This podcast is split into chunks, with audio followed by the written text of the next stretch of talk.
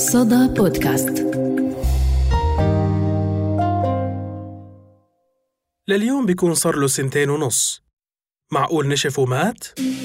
يعني المرض هذا حضانته أسبوعين. نقعد في البيت أسبوعين بنشف وبموت. بيوم من الأيام انصعقنا بزيارة عميل. لكن هالعميل ما كان عادي ولا هادي. هالعميل دخل بدون استئذان وأثر علينا تأثير كبير. لدرجة إنه غير حياتنا بشكل كبير وقلب كل الموازين. مش بس هيك لا وتسبب بفقداني لوظيفتي وتدمير كل أحلامي. هالزائر ما اكتفى بإنه يخليني أفقد وظيفتي بس. هالزائر تسبب بإغلاق مكان عملي بشكل كامل. هالزائر ما كان إنسان بمكان. هالزائر رغم صغره إلا أنه تسبب بمجموعة أحزان غطت المكان. وتسبب بتعطيل حركتي وحركة السيارات وحركة الطيارات كمان. فكركم توقف الموضوع لهون؟ ما وقف الموضوع لهون لأنه ما اكتفى بهيك. صرت بين نارين إما إني أنسى كل اللي تعبت عشانه وأغير مسار دراستي لأنه عالم الطيران توقف بشكل كامل أو ألجأ لخيار تاني. بصراحة ما كان عندي خيار تاني واضح لأنه وضع البلد صعب أصلاً قبل زيارة هالضيف اللي بسببه غيرت تخصصي. مع إنه هالحلم كلفني كتير وتعبت وعانيت لحتى أدرسه وأوصل له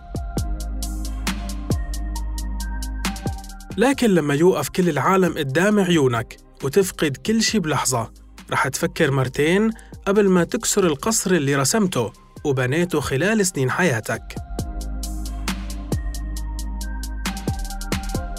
هاي قصة مصطفى باختصار فخلينا نسمع منه.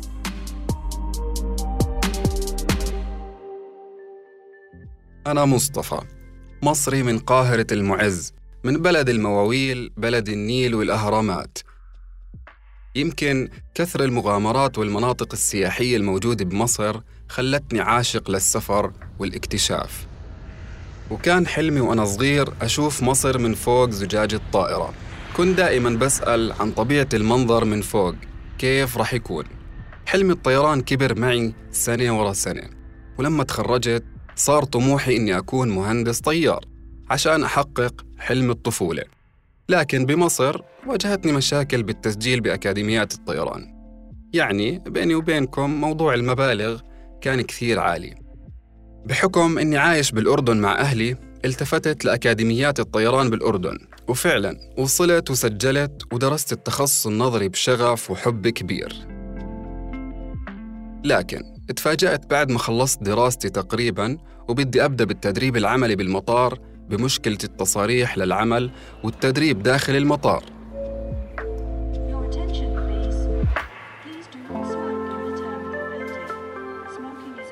طبعا واجهت كمية إحباط غير عادية. كل الجهد والوقت والمصاري اللي بذلتهم ضاعوا وراحوا هيك بلحظة. صرت ألوم نفسي ليه ما تأكدت من هذا الموضوع قبل ما أبلش؟ ليش الأكاديمية ما خبرتني بموضوع التصريح قبل ما يروح جهدي ووقتي والمصاري على الفاضي؟ وكانت الأفكار والتساؤلات تتدفق على عقلي. إنه ماذا بعد؟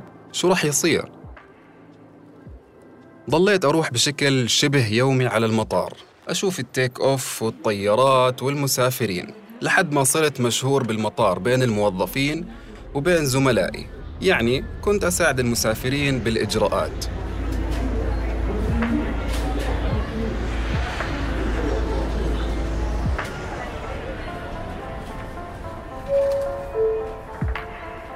Please watch your luggages. Hold the handrail. Mind your steps.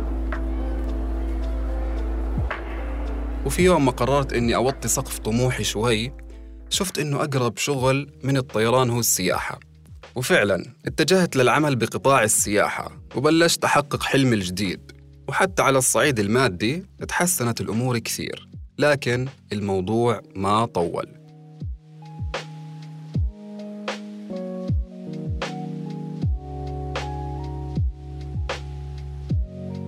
ونحن بموسم الأعياد في أواخر ال 2019 بلشت الحجوزات تلتغي وبلشت الأخبار تيجي من الغرب إنه في فيروس خطير بلش ينتشر بالعالم. يمكن قطاع السياحة بالأردن وبالعالم أجمع كان أول من شعر وتأثر بفيروس كورونا. وفعلا أسابيع وكانت قرارات الحكومة قد دخلت حيز التنفيذ.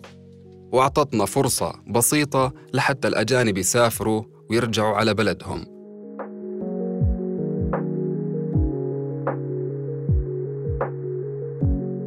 ومن هون. بطل لا في سياحة ولا في سفر والشركة اللي بشتغل فيها سكرت وصاحب الشركة انكسر.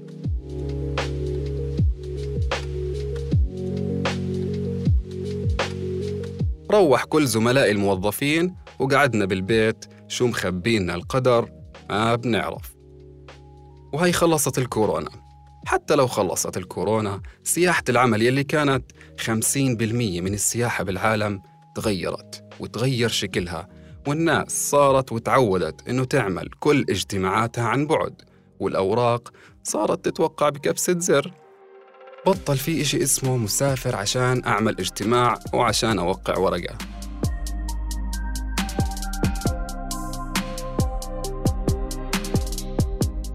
ولليوم وبعد سنتين ونص بعدني بعاني نتيجة زيارة هالضيف اللي غير حياتي.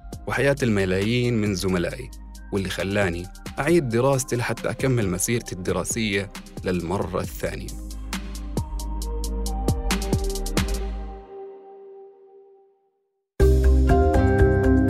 صدى بودكاست.